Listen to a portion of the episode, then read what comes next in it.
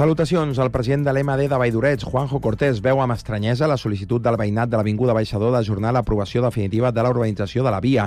Estem a la fase final i no pot ser tornar a la casella de sortida, ha dit en una entrevista a Quad Media. El govern que presideix, amb Esquerra Republicana, el PSC i la CUP, es troba en minoria i, de fet, l'oposició ja ha fet força rebutjant la proposta de les ordenances fiscals i obliga l'executiu a parlar, negociar i treballar per fer prosperar el pressupost de 2024. Escoltem Juanjo Cortés. Si els veïns no ho volen tirar endavant, no es tirarà endavant. Si els, vole, els veïns volen que finalment ho portem a ple, doncs ho portarem a ple. Nosaltres no tenim cap inconvenient.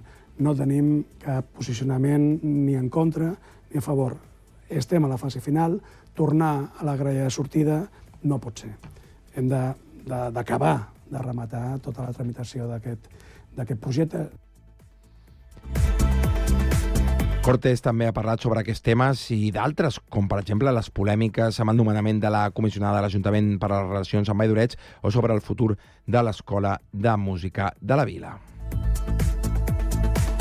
La portaveu del PSC i cap de l'oposició, Helena Vila, ha celebrat una trobada amb el teixit empresarial i econòmic de Sant Cuat per recollir les seves demandes i necessitats. La reunió ha tingut lloc a la sala de plens de l'Ajuntament i ha comptat amb associacions empresarials representatives del municipi que han traslladat a Vila la dificultat d'accés al finançament, la reivindicació de les infraestructures estratègiques pel municipi i la necessitat de potenciar l'emprenedoria, el lideratge i el talent femení, entre d'altres. Amb aquesta trobada, la també senadora socialista vol donar el tret de sortida a una sèrie de reunions en àmbits de vital importància per la ciutat. La comunitat jueva de Sant Qual, la més nombrosa de Catalunya, ha convocat una manifestació aquest divendres 3 de novembre a la plaça de Barcelona a les 6 de la tarda. La majoria dels convocants són pares i mares que porten els seus fills a l'escola Hativa l'única escola jueva de Catalunya amb seu a Sant Quat, tot i que hi ha altres famílies jueves de la ciutat que també s'hi han afegit. El lema principal de la convocatòria és Torneu-los a casa ara per reclamar l'alliberament dels israelians segrestats per Hamas el 7 d'octubre passat. La santquatenca Lluna Pons s'ha convertit en la primera espanyola que guanya la competició internacional de violoncel David Popper en la seva categoria Budapest. En només 9 anys, Lluna s'ha fet amb l'or en el primer certamen europeu en el qual participava un dels de més prestigi del continent. I en clau esportiva arriba la primera jornada de novembre els equips sanquatencs volen sumar noves victòries. El cas del primer equip masculí de la West de bàsquet, que després de tres derrotes consecutives vol redreçar el rumb, guanyant el Lloret diumenge a dos quarts de vuit del vespre al PAF 3. Fins aquí la informació a Cugat.cat. Cugat Mèdia, la informació de referència a Sant Cugat.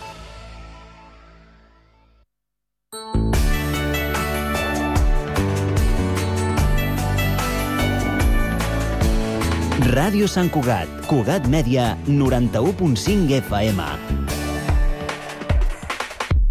Hora Sant Cugat, a Cugat Mèdia.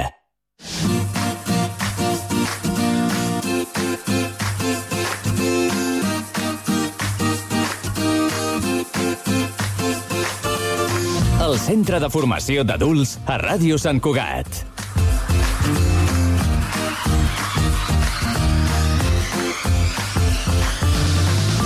Hola, bon dia. Soc la Lamia, presentar-los als meus companys i companyies del Centre de Formació de Persones Adultes de Sant Cugat. Avui s'iniciarà un nou programa, programa amb alumnat del GIS-1, un programa que hem titulat La brúixola dels divendres. Us demanem paciència perquè estem molt nervioses i nerviosos, però intentarem cada mes seguir millorant. Està aquí per començar amb nosaltres. Fidelia, Hola, bon dia. Natàlia, Hola, com va? Salwa, Hola, bon dia a tothom. Fàtima. Hola, bon dia. Ha estat escoltant La Brúixola dels divendres, el programa de ràdio del CFA Sant Cugat. Comencem les notícies.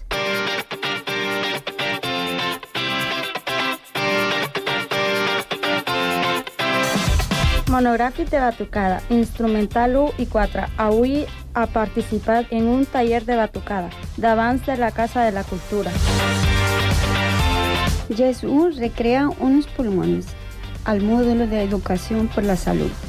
Van a aprender cómo funciona la, la pared respiratoria. Amb la ayuda de unos globos y una ampolla van a poder veure cómo respiran.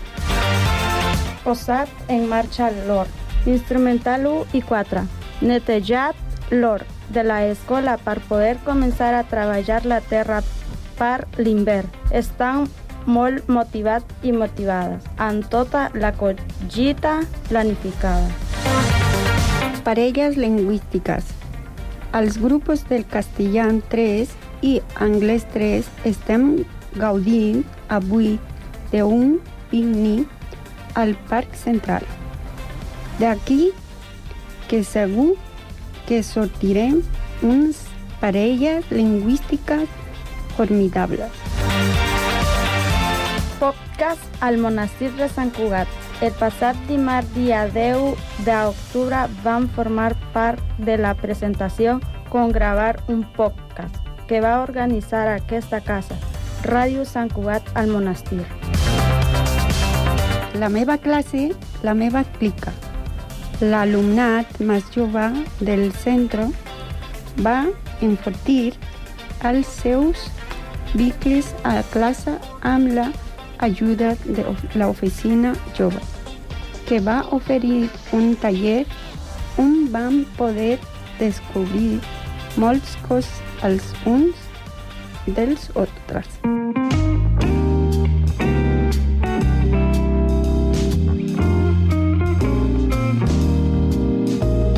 Ha estat escoltant la brúixola dels divendres, el programa de ràdio del CFA Sant Cugat. Avui volem explicar-vos una història que hem estat treballant a l'aula durant tot aquest mes. És un conte molt tendre que esperem que us agradi.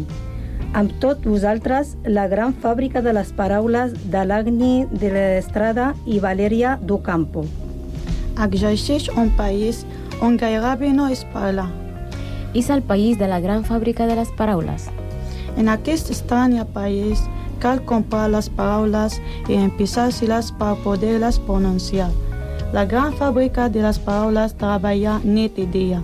Les paraules que sorten de la màquina són tan variades com el llenguatge. Existeixen paraules que són més cares que unes altres. No les diem sovint, excepte si és molt ric.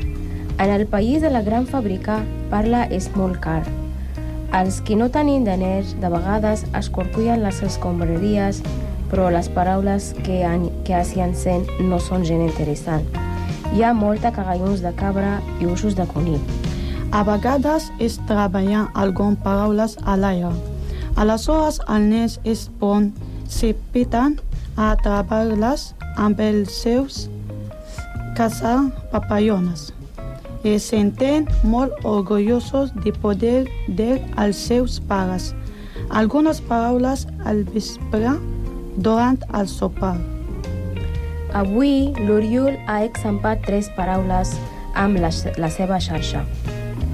Aquesta vespre no les dirà ja que vol guardar-les per algú molt especial per a ell.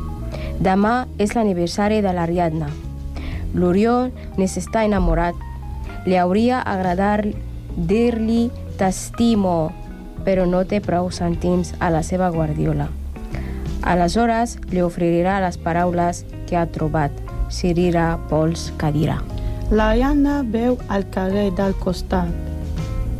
L'Oriol peca a la seva porta i no li diu bon dia com va això, perquè no té aquestes paraules guardades en el lloc d'això somriu. L'Ariadna porta un vestit vermell ceguera. Ella també. De darrere d'ella, l'Oriol veu l'Òscar. L'Òscar és el seu gran inamic. Els seus pares són molt rics, però no és per això que l'Oriol el detesta. L'Òscar no somriu, ell parla a l'Ariadna. T'estimo amb tot el meu cor, Ariadna meva, massa d'abans, o sí, ens casarem. Això costa una fortuna, pensa l'Oriol. L'Ariadna sigue somriu, però l'Oriol no sap a què. En els ulls de l'Òscar hi ha molta seguretat. Les meves paraules són tan escasses. Pensa l'Oriol, respira profundament i només pensa en tot l'amor que té dins el seu cor.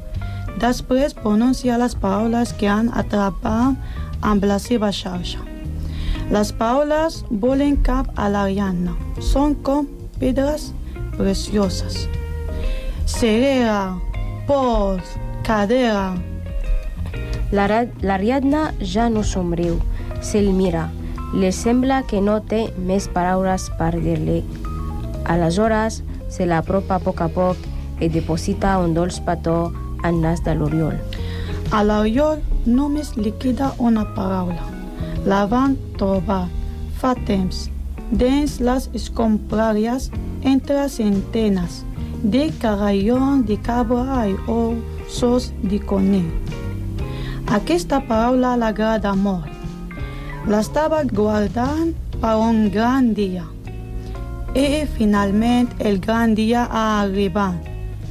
I fixant la mirada en els ulls d'Ariadna, li diu Més! Després d'haver-nos explicat aquesta història, dono pas a l'última secció del programa. Benvinguts Brenda Hola. i Javi, encarregats aquest mes de la secció de música. Us deixo en bones mans. Avui un portem música molt amorosa. Hem escollit la música en relació en bicle entre l'Oriol i l'Ariadna. Boix per tu, Sau, un clàssic que no podia faltar a la selecció. Avui dia tothom sap que els vers anaven dedicats a la lluna. Un amor difícil igual que el de l'Ariadna i l'Oriol, però un amor de veritat.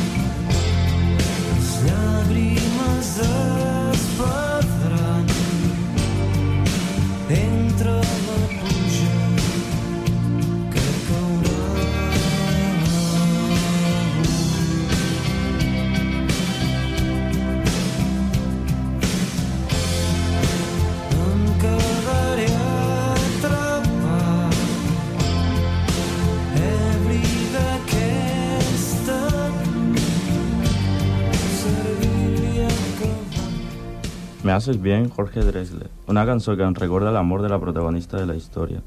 Algo más, Me haces bien, el cantante declara el seu amor.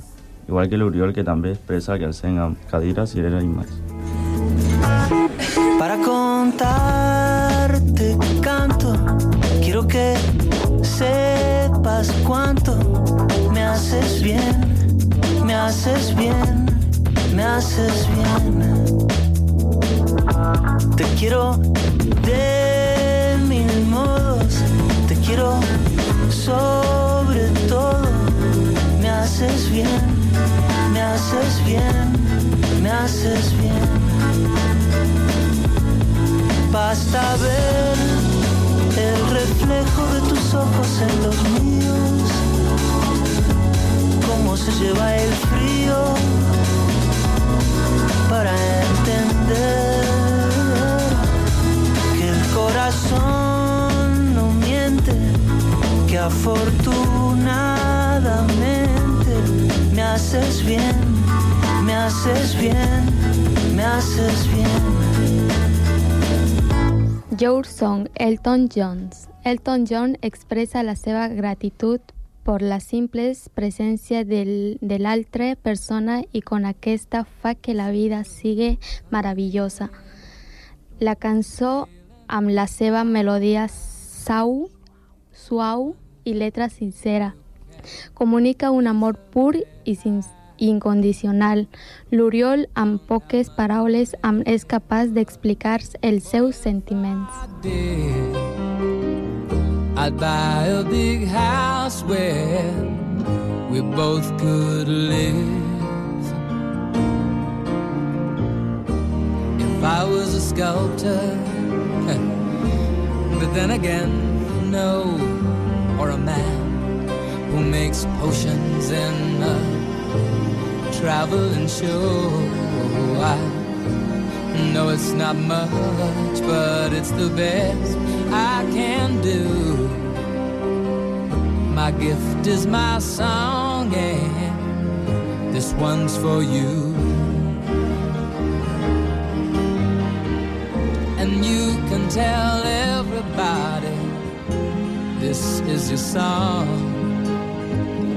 It may be quite simple, but now that it's done, I hope you don't mind. I hope you don't mind that I put down the words how wonderful life is while you're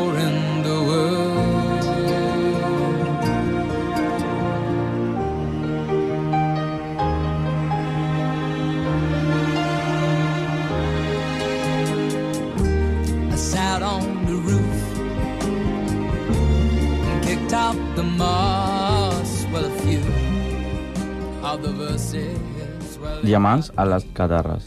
La cançó Diamants del grup de Catarres parla de veure coses boniques que mirem al, al ús de les persones que estimem. El vers que m'han ferit sense tenir res un món que va al revés. Connecta amb la història de l'Ariana i l'Oriol. Quan falten les paraules, es pot trobar una connexió a través del... Sé que tu em fas més valent, és evident. Al teu costat puc volar lluny, més amunt i més lleuger que el fum. Tens diamants als ulls, el mapa dels meus astres. Si mai estic perdut, la llum que em torna a casa,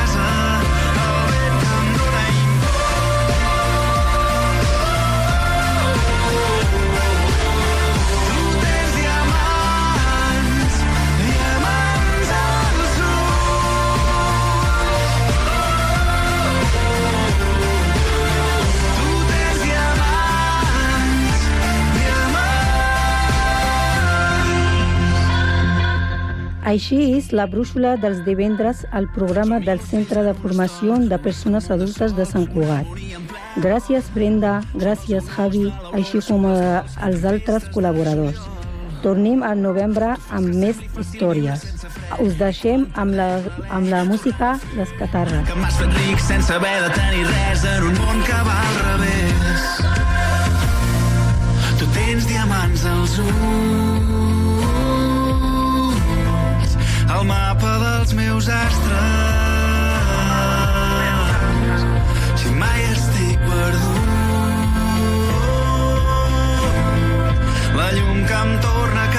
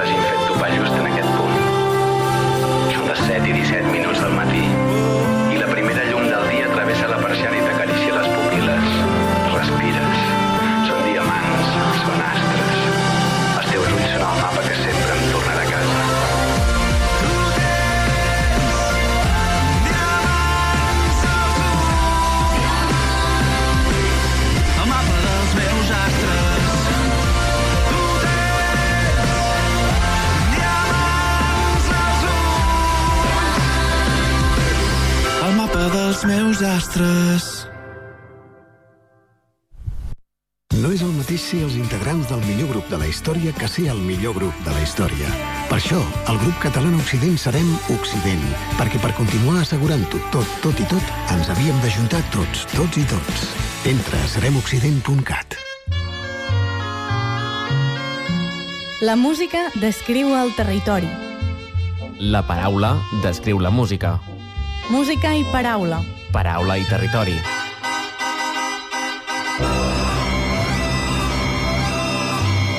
A través dels instruments de coble, les nostres veus i la teva ràdio. A Ràdio Sant Cugat, escolta el Coplejant el diumenge a les 10 del matí.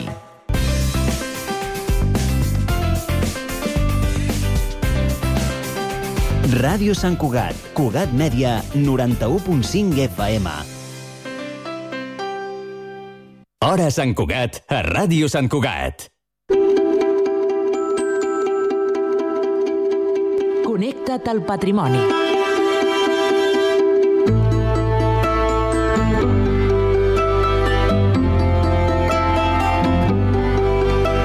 El Centre Borja, com indiquen en la seva pròpia web, és una comunitat de jesuïtes que es troba a Sant Cugat, al peu de Collserola. En aquest indret, el Centre Borja ofereix nombroses activitats i serveis a la comunitat cristiana. Avui ens endinsem en algun dels seus racons i joies, de la mà de l'historiador Domènec Miquel. Domènec, bona tarda. Hola, bona tarda. Avui parlem d'un centre que ara comentàvem que va tenir, diríem que una època de, de, de molta presència o molta comunió amb, amb la ciutat de, de Sant Cugat, però que amb el temps ha anat una mica, una mica a menys, no? La sensació. Sí, sí, sí, realment ha sigut així. Sí. A veure, és un centre que comença com un seminari, de fet, ja tenien, els jesuïtes tenien un seminari, diguéssim, a Barcelona, i llavors el traslladen a Sant Cugat perquè necessiten fer-lo més gran, no? I va ser un seminari que hi van haver-hi 200 i escaig eh, estudiants, eh? vull dir que era una cosa gran. Estem parlant de la dècada dels 40, de fet, eh, quan s'inaugura és el 1949, i, i a partir d'aquest moment és, mm, diguem, l'arrencada, però també l'època d'esplendor, amb, amb, amb, molta, amb molta afluència de, de, de joves que venien a, a formar-se, no? Però em pensa que estem en una època del nacionalcatolicisme i per tant en aquella època hi havia vocacions a cabassos i per tant doncs eh, a veure això va arribar més o menys fins al Vaticà II i a partir del Concili Vaticà II la cosa va anar creixent no? però en els primers temps sí, efectivament hi havia molts estudiants Uh -huh. Estudiaven teologia, estudiaven filosofia, filosofia? i ideologia, sí. Uh -huh.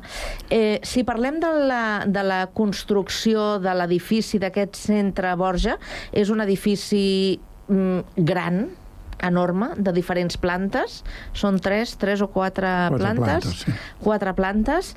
Té capella. Sí, té sala, bueno, té una sala d'actes, eh, teatre, per dir-ho així, i té una capella, diguéssim, molt gran, també. Sí. Uh -huh. Eh, i a més eh, fa diferents serveis, ara potser una mica menys alguns, però que, que són els que s'oferien en un principi en, en, aquest, eh, en aquest centre. Eh, un centre que, segons explica eh, la seva pròpia història, per construir aquest edifici van construir una... van crear una bòbila. Sí, Sí, sí, és que és un edifici fet d'obra vista, de totxo vist, eh, de l'arquitecte Balcells, i aleshores el que van fer va ser crear eh, el número de, de, de totxos que necessitaven eren milions, i per tant, eh, més que comprar-los, els hi sortia molt més a compte fabricar-se ells mateixos, i llavors doncs, van crear una bòbila. Estan en un terreny on, on, on les argiles són molt bones per fer totxos, i per tant van començar, diguéssim, doncs, fabricant-se totxos per ells mateixos quan van acabar l'edifici i tot plegat, això va continuar i llavors era la bòbila dels jesuïtes o la bòbila dels capellans o digue-li com vulguis que era una bòbila en cooperativa Un centre que en el seu moment es va crear al, als afores de, de la ciutat, als afores de, de Sant Cugat, i que ara mateix podríem dir que està perfectament incorporat al, al nucli de, de la ciutat, eh, al costat d'Esade. Sí. No? I ara parlarem d'aquesta relació que, que tenen eh, eh, aquestes, eh, aquests dos centres. Eh, si parlem d'un dels espais importants, hem de parlar de la seva biblioteca, o almenys important fins fa un temps, no? Sí, la Biblioteca del Centre Borja ha estat una de les grans, grans biblioteques de Catalunya. És a dir, després de la Biblioteca de Catalunya i la Biblioteca de Montserrat ha sigut la gran biblioteca de Catalunya amb més de 350.000 volums. Que això per un país com el nostre és molt. Eh? Si te'n vas als Estats Units i veus la Biblioteca del Congrés que té 8 milions, doncs això és un joc de criatures, no?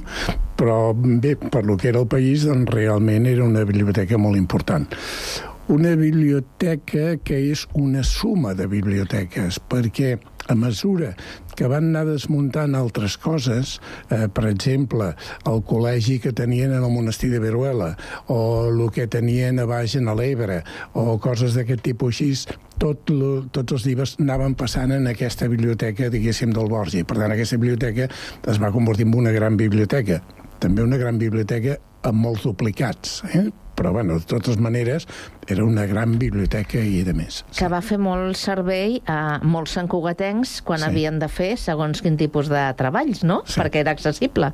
Sí, sí, sí, sí, sí, sí, completament accessible. Sempre ha sigut així accessible. Sí. I què ha passat ara amb aquesta biblioteca? El seu fons ja no està tot al centre Borja, no? Bé, perquè a partir de que es va morir el pare Borràs, que va ser l'últim gran bibliotecari doncs, que, que hi va haver-hi, eh, a veure, les directrius de la, de la companyia Jesús i tot plegat també van anar canviant i aleshores, eh, per exemple, tot el que són els incunables i tot el que són les col·leccions de Sant Ignasi i de més van passar a província, a Barcelona, eh, diguéssim, en els locals de Barcelona, amb la qual part, les parts més valuoses, diguéssim, doncs, eh, es van treure. Llavors, dintre el centre, el que és pròpiament el centre on hi havia la biblioteca, eh, ha quedat tot lo de teologia fonamental. I les parts més d'humanitats han passat en la biblioteca de Sade. I aleshores la biblioteca de Sade, de totes maneres, té una sala de reserva, eh, així és una mica especial, on, per exemple, hi ha un manuscrit del segle XVIII sobre una història del monestir de Sant Cugat, una història del monestir de Sant Cugat, que és un manuscrit molt important, perquè només n'hi ha tres de, de manuscrits aquests. Eh, es pot, saps si es pot continuar visitant aquesta... Està oberta al públic, la, Està la del obert al centre? públic? Sí, sí, sí, però el que passa és que, diguéssim, val més demanar-ho perquè... Sí, sí, sí, però ho pots, hi pots anar, sí. Es pot contactar i es pot sol·licitar. Eh, un altre de, mm, podríem dir, de, de, de, dels temes importants eh, quan parlem del centre Borja. Aquest arxiu del Palau Requesens, que sembla que ara es troba a, a l'Arxiu Nacional de Catalunya. Sí, efectivament, sí.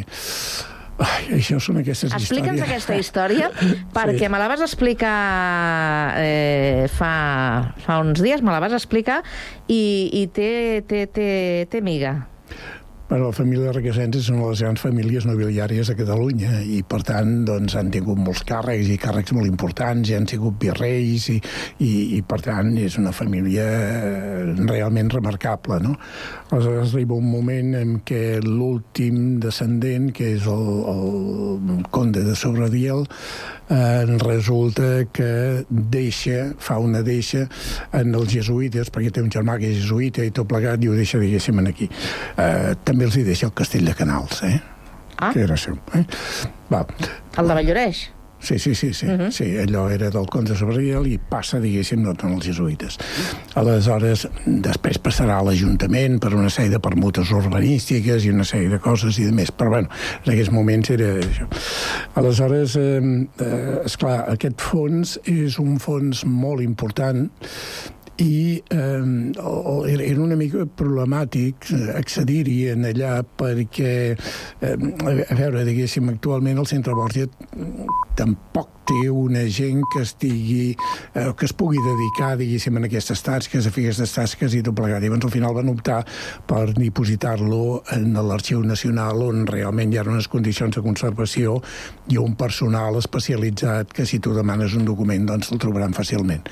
Però també hi havia alguns objectes, alguns objectes, diguéssim, doncs, curiosos. Llavors, l'objecte potser més curiós de tot bueno, a part d'aquests documents firmat per Felip II i aquestes coses que bueno, sempre fa gràcia de veure, eh, hi havia el bastó de Guillem d'Oranys, saps que Guillem d'Oranys, eh, que en principi era catòlic, després es va passar als calvinistes i va ser qui va fer la, la revolució contra Espanya per aconseguir la independència d'Holanda, no?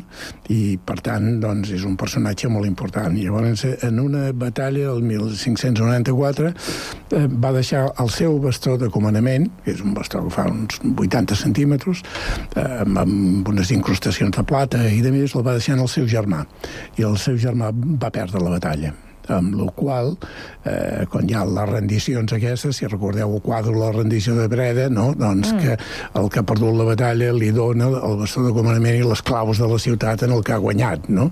Doncs, bueno, va fer aquest gest. Llavors, aquest bastó que teòricament hauria d'haver passat, diguéssim, en el rei d'Espanya, perquè al cap i al fi, diguéssim, els requesens només era un delegat del rei d'Espanya, i això, la qüestió és que se'l va quedar ell i va quedar dintre de la família requesens i això, i, i ha estat en allà guardat en el centre Borja. Aleshores, el, el 2017 el 2017 a través d'un diplomàtic que estava a Holanda, que tenia relació amb els jesuïtes, es va enterar que hi havia aquest bastó i tot plegat. Ai. Ai. I aleshores, com que els reis d'Holanda van tenir una visita en el papa, aprofitant aquesta visita, diguéssim, amb el papa, el general dels jesuïtes els hi va eh, deixar en préstec el bastó. En préstec? No, sí. No, no Però no ha tornat encara, no?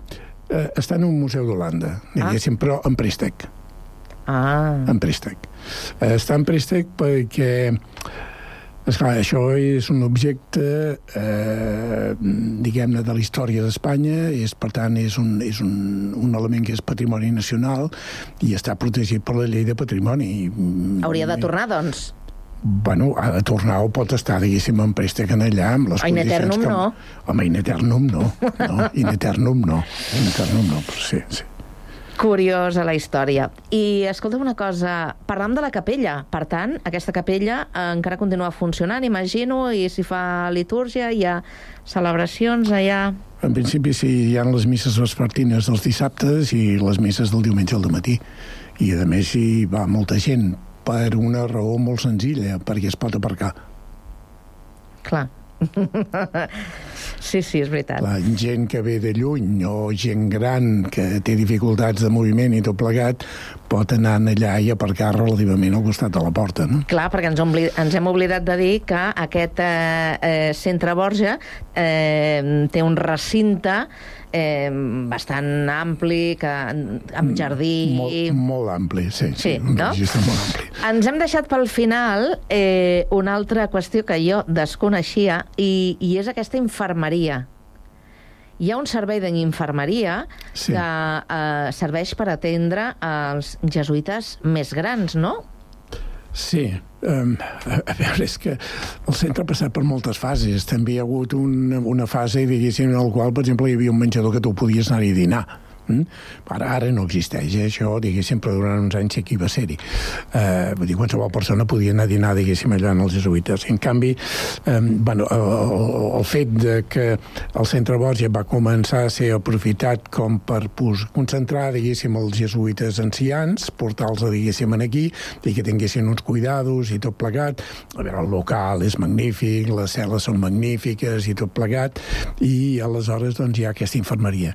I no sols solament hi ha aquesta infermeria, sinó que dintre del recinte hi ha un cementiri privat un cementiri privat que està declarat eh, jardí d'interès cultural, etc etc. vull dir que, per tant, és, és, està protegit. Eh?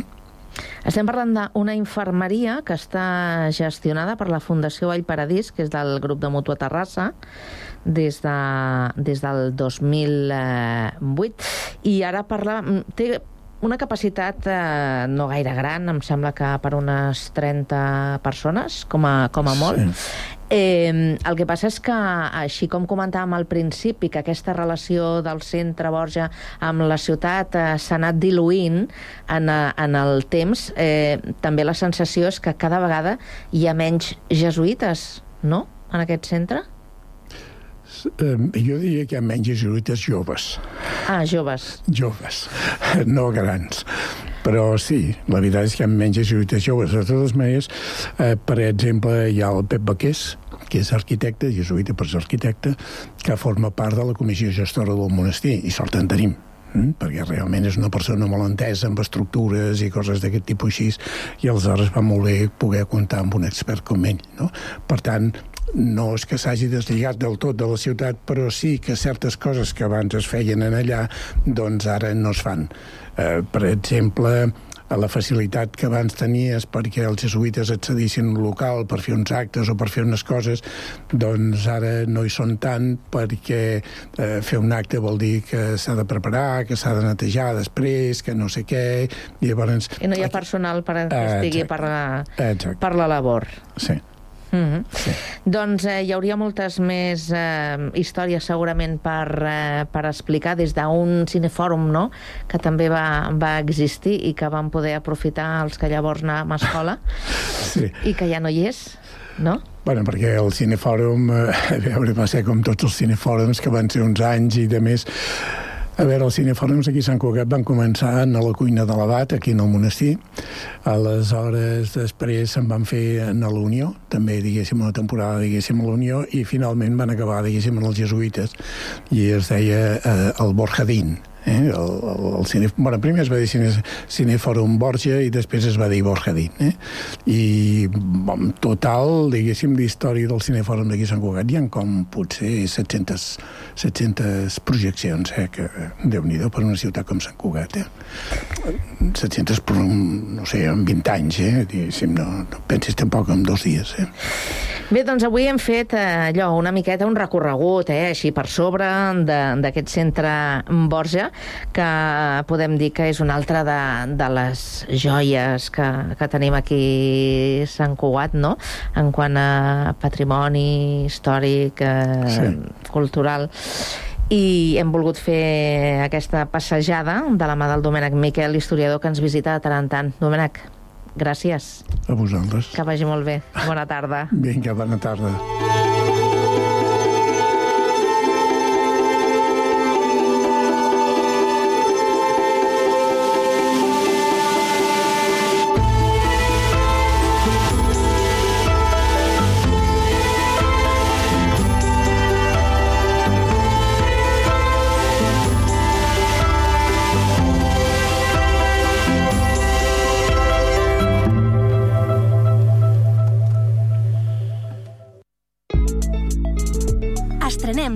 Del Picalletres. Paraules i jocs lingüístics per a tothom. Descarregueu-vos l'APP a Google Play o a l'App Store i comenceu a jugar. Alexa, abre Radio San Cugat. Bienvenido a Radio San Cugat Cugat Media. ¿Qué quieres escuchar? ¿Radio en directo o el último boletín? Cugat Media estrena skill per poder escoltar Ràdio Sant Cugat des d'Alexa. Per exemple, l'actualitat de Sant Cugat. Alexa, Pide a Radio San Cugat el último boletín. Escuchando el último boletín de Radio San Cugat. Cugat.cat Notícies. I també la ràdio en directe. Alexa, pide a Radio San Cugat la ràdio en directo. Escuchando en directo Radio San Cugat. L'artista local defineix la situació com a dura perquè... Ràdio Sant Cugat Cugat Mèdia, 91.5 FM, www.cugat.cat i ara també a través d'Alexa. La ràdio que necessites, ara més a prop teu.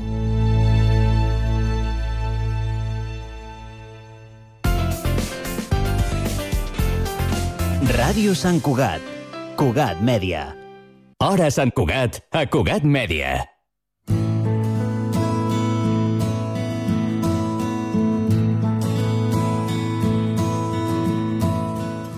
El 9 de novembre es commemora el Dia Mundial de l'Adopció i a Cugat Mèdia ens interessem sobre aquesta qüestió i, en paral·lel, també sobre els acolliments. Per això parlem amb el director de l'Institut Català de l'Acolliment i l'Adopció, el senyor Josep Maria Forner. Molt bon dia, senyor Forner.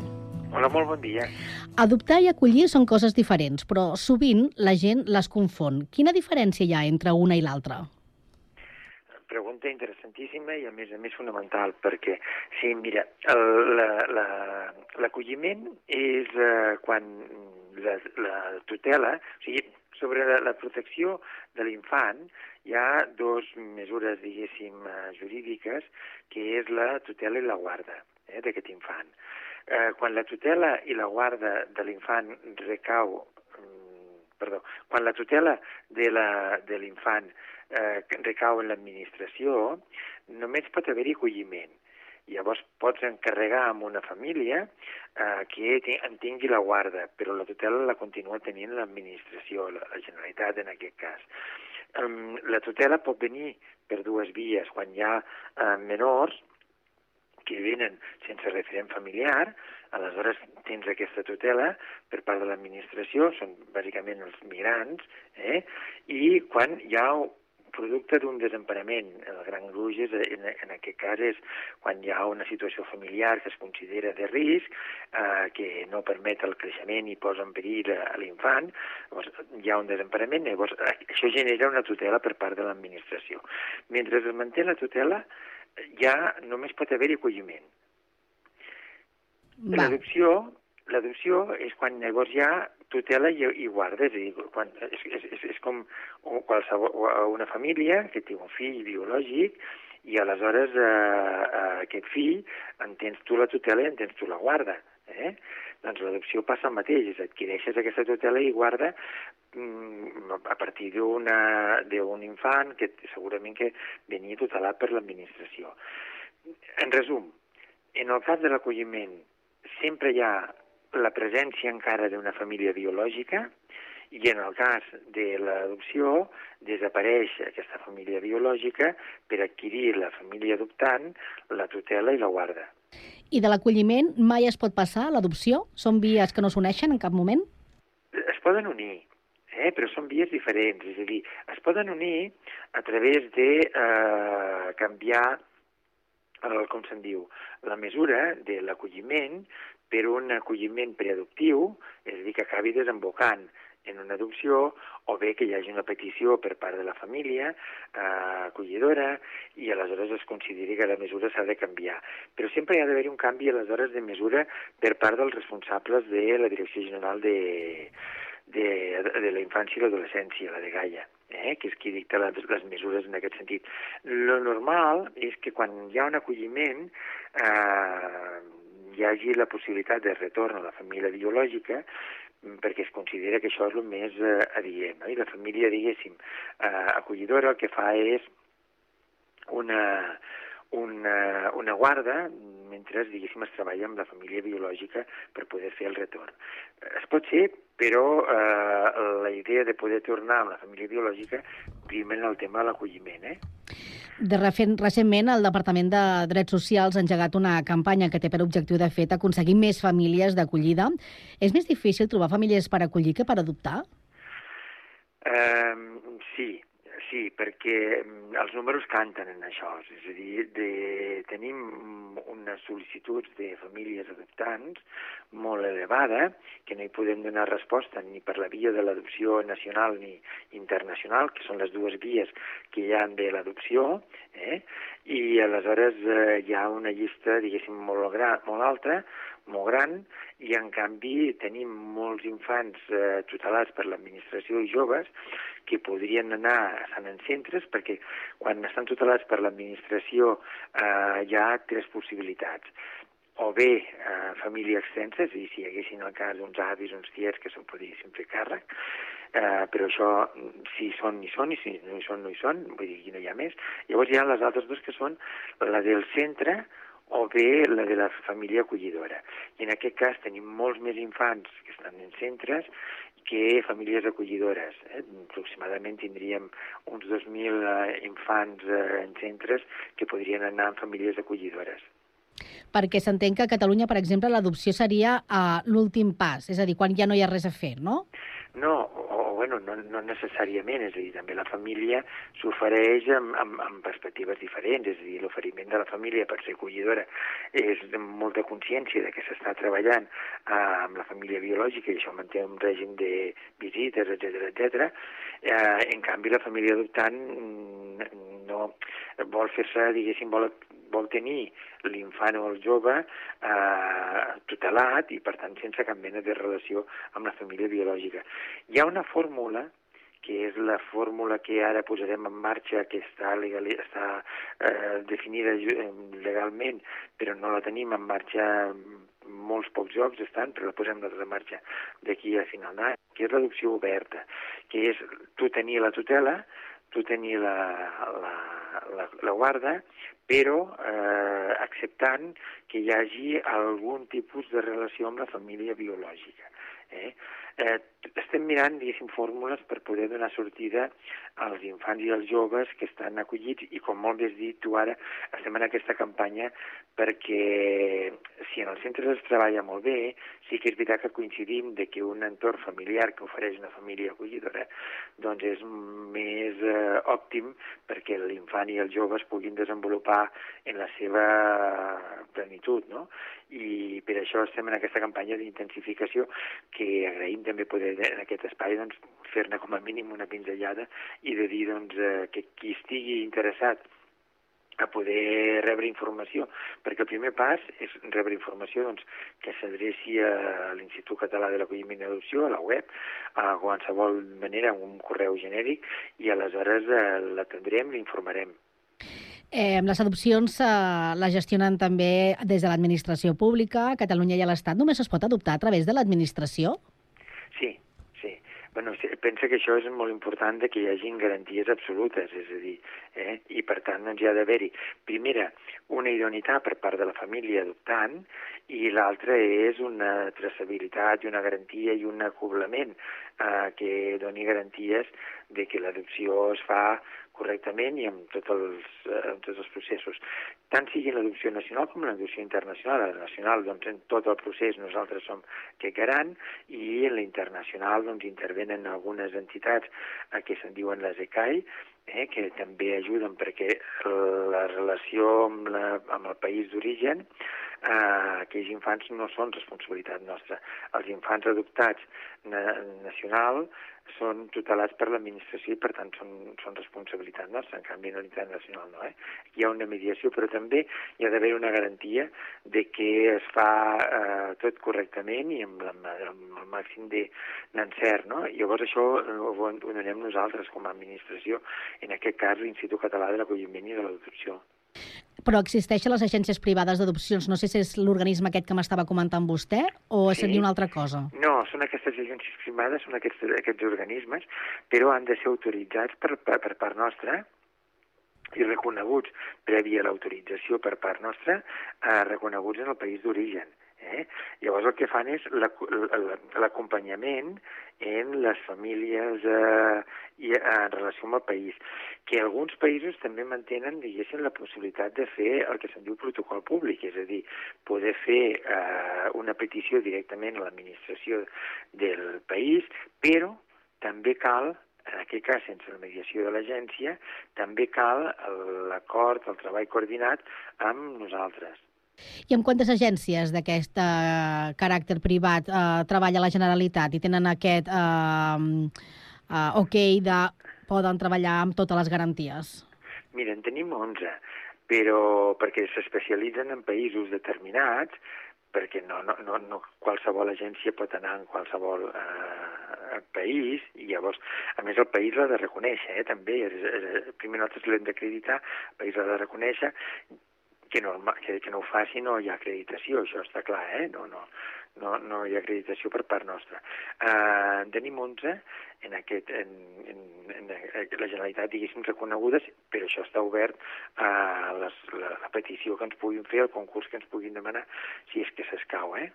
D'alguna nova entitat. Em deia que són 11 agències que estan eh, caracteritzades no, en diferents països, que eh, treballen, eh, suposo que cada agència en un país diferent, o potser alguna amb més d'un. Quins serien els Sí. països amb els quals llavors treballa vostè, eh, la Generalitat més eh, per eh, poder fer adopcions internacionals? Per fer adopcions internacionals treballem amb diferents països. Eh, cal dir que la davallada gran que s'ha produït des del 2012 fins a ara és perquè els tres grans països que, diguéssim, més eh, proveïen d'infants, que eren la Xina, la Rússia i Etiòpia, doncs, per raons diferents, han, han, han tancat aquesta relació i en aquest moment hi ha països com Vietnam, eh, alguns d'Àfrica com Costa d'Ivori i Senegal, Senegal l'hem obert fa poquet, i, eh, i aleshores de Sud-amèrica també n'hi ha eh, que són eh, Colòmbia, Bolívia, Perú, Colòmbia potser és dels països que més. I a part de tota aquesta adopció internacional, hi ha l'adopció nacional, eh, d'infants que estan tutelats, Exacte. que hi, ha, que hi ha hagut renúncies o així. I llavors, és més fàcil adoptar una criatura de fora del país, una criatura d'un país internacional, que una criatura d'aquí? No, més o menys, el període de temps que hi ha, més o menys, és una mitjana de 4 a 5 anys, des de que se sol·licita, i, i més o menys eh, són, són temps bastant semblants. Uh, sí que és veritat que això també té una fluctuació perquè la- l'adopció nacional també ha baixat per una qüestió de menors infants uh, susceptibles de ser adoptats perquè ja no arriben, diguéssim, a, al, al naixement i, el, i, el, i, el, i a la renúncia posterior, que és la principal via, eh, la principal via per tenir, diguéssim, infants tutelats eh, eh, orientats a l'adopció. Ara em deia no, que, traga, eh, que triga aquest procés uns 4 o 5 anys. I com és aquest procés? Què és el que una família, si vol ser família adoptant, ha de fer? A part d'informar-se, que és el primer pas que ja ho deia abans vostè. El primer pas és informar-se, després és formar-se per entrar en un procés valoratiu que acabarà en una acreditació. Eh? I aquesta acreditació eh, el que et dona, diguéssim, és eh, aquesta, diguéssim, capacitat per poder-ho fer. Llavors això eh, va a parar amb unes llistes eh, en les que no hi ha condicionants eh, ni de gènere, ni de tipus de família, etc etc. Eh? No hi ha cap condicionant en aquest sentit, ni, eh, ni econòmic, perquè hi ha la idea de que es pot, diguéssim, compensar amb ajuts, eh? d'alguna forma. Sí que hi ha d'haver-hi algunes condicionants de salut, eh, econòmic només seria si, si no, no hi ha la possibilitat de donar garanties de seguretat i de, de, de, de la mínima, diguéssim, benestar eh, per part de l'infant. Bueno, un cop aconseguit aquesta acreditació, llavors vas a parar unes llistes d'espera i mirada, diguéssim, de, de, d'estudi d'acoplament entre el perfil del sol·licitat, per exemple, doncs, si hi ha necessitats especials, la llista, la, la, el procés s'escurça moltíssim. Si tu acceptes una adopció d'un infant amb necessitats especials, això s'escurça molt. Eh? Uh, si no, doncs, uh, clar, això ho defineixes en el moment que fas la, les peticions. I, i aleshores, doncs, és anar esperant, no? Mm, sí que és veritat que l'entrada de famílies per poder-se acreditar eh, va amb una proporció que és que no pot ser més de tres vegades el nombre de famílies acreditades en espera que el nombre d'infants adoptats l'any anterior, eh? i aleshores això fa que moltes vegades l'espera de, des de que tu busques la informació fins que acaba sent acreditat, doncs eh, s'allarga molt, eh? s'allarga molt. Els 4 o 5 anys és quan d'alguna forma ja ets eh, acreditat i aleshores comences tots els passos. Eh? Mm, O sigui, als 4 o 5 anys no és fins que tens la criatura, vol dir. Però, sí, des de que ja ets acreditat, eh? Val. Perquè ho dic perquè hi haurà alguna família que segurament que et dirà, o ens dirà, eh, si ens escolta, que ens escolta, que ens dirà que ella porta més temps esperant. Per què? Perquè hi ha una bossa molt important de sol·licitants que eh, triguen temps a poder-se acreditar. Val, Però és a dir, als 4 o 5 anys no compta l'acreditació, que és un pas previ que s'ha de fer, Eh, exacte. que potser és llarga també. Eh, exacte. Sí, D'acord. Sí, Mar. Val. I llavors, quins requisits, eh, ara em deia que no són gaire, eh, gaire alts, és a dir, que no miren eh, raó de sexe, ni de raça, òbviament, ni qüestions econòmiques. Um, I el tipus de famílies, és a dir, hi ha, per exemple, un topall d'edat, eh, perquè amb l'acolliment sí que veiem gent molt gran que vol ser acollida, acollidora, en canvi no hi veiem gent jove. Uh, en canvi, amb les adopcions suposo que és al revés, que veiem gent més jove que sol·licita, no gent tan gran, però hi ha un topall fins i tot d'edat? Sí, la diferència, mm, hi ha una qüestió de salut, que ja això- és important, és a dir, si hi ha algun horitzó d'una esperança de vida cu- curta o molt curta, doncs això també és un limitant que no permet, diguéssim, l'acreditació. Lògicament, quan algú adopta, és, això és fonamental, eh? L'adopció és eh, satisfer un eh, desig de ser pares, eh, però també és veritat que l'objectiu primordial és que tu t'ofereixes per cobrir unes necessitats de l'infant. L'infant no és un objecte perquè satisfaci el meu desig. Llavors, si tu tens una esperança de vida o hi ha una persona amb una esperança de vida molt curta, no cobriràs les necessitats de l'infant i això és un condicionant. Si no hi ha uns ingressos mínims que garanteixin una estabilitat eh, que permeten donar resposta a les necessitats de l'infant, doncs també, eh, això, tot i que no vol dir que el, el llistó estigui baix, eh, perquè eh, econòmicament. Um, Llavors, això és, i després també hi ha d'haver una diferència d'edat entre la, la persona que adopta i l'infant adoptat, eh, doncs, eh, que són aquests 20, 20, 20 anys que eh, hi han de, han de ser-hi, més o menys, eh, i aleshores, per, perquè, perquè si no, quan tu faràs de pare, ja, eh, i sigui adolescent, doncs aleshores hi hauria un decalatge molt gran, no? perquè es considera que psicològicament no estàs cobrint les necessitats, diguéssim, que l'infant té. I quin tipus de perdó, famílies? t'he dit, Sí. 20 anys són 40 anys, perdó, Jordi, t'he dit. I quin tipus de famílies són les que ens interessen per les adopcions? Que, que, quin tipus de famílies venen?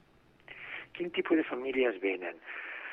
Uh, és, és molt heterogeni, eh? Uh, són famílies uh, homosexuals, n'hi ha, ha un gruix molt important, potser més d'homes que de dones, perquè la gestació en el cas dels homes no hi és i en el cas de les dones potser hi és més, però també hi és en aquest sentit, eh, o quan no poden tenir fills biològicament, eh?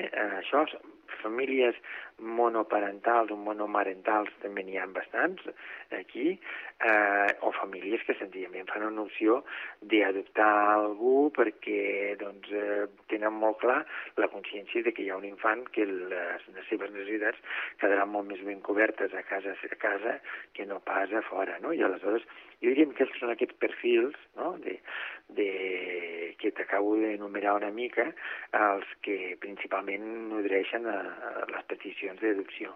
És més difícil trobar famílies que ja tenen fills biològics? No, no, no, no perquè eh, eh, hi, ha, hi ha famílies que tenen molt clara que és aquesta consciència de servei i de cobrir necessitats d'un infant que està en un, en un entorn que el, la, la seva adopció doncs, fa, facilitarà. Això, això és especialment significatiu en l'acolliment, és a dir, l'acolliment eh, aquestes famílies eh, tenen, diguéssim, aquesta consciència plena de eh, tenir a, a, a l'entorn familiar propi doncs aquesta acollida, aquest infant o jove que, que estava residint en un centre i el gruix més important jo te diria que són famílies que tenen fills biològics i per tant doncs, eh, fan aquesta funció de, de pares i germans d'alguna manera. Clar. Quantes adopcions es tanquen cada any? Deien que hi havia més llista d'espera que possibilitats d'adopcions, no? Adopcions, eh, hem baixat moltíssim des del 2012, que potser és un dels pics més elevats, que havíem estat sobre els 1.500 a nivell internacional i sobre els 150 a nivell nacional. I ara, en aquest moment, l'any passat van ser 37 a nivell internacional i 60 a nivell nacional. Eh, d'adopcions. S'ha baixat molt perquè a nivell internacional doncs, hi ha hagut aquest, aquests països que han deixat de tenir, diguéssim, eh, oferir aquestes possibilitats, Rússia, Xina i Etiòpia, principalment, però també perquè doncs, hi ha hagut uns uns acords a nivell internacional que donen garantia dels processos eh, i que doncs, hi ha alguns països que, també se n'estenen. I a nivell nacional doncs, també hi ha hagut una baixada per, per raons diferents, però hi ha infants, menys, menys infants, que, que neixen amb renúncia afegida. Per què han tancat eh, relacions amb Xina, Rússia i Etiòpia, com comentava? No, no, no, no és que hagin tancat, no és que ells han tancat ja. Ells. Uh, ells han tancat uh, uh, la Xina per, per, bàsicament per canvi de política del fill únic. Ràdio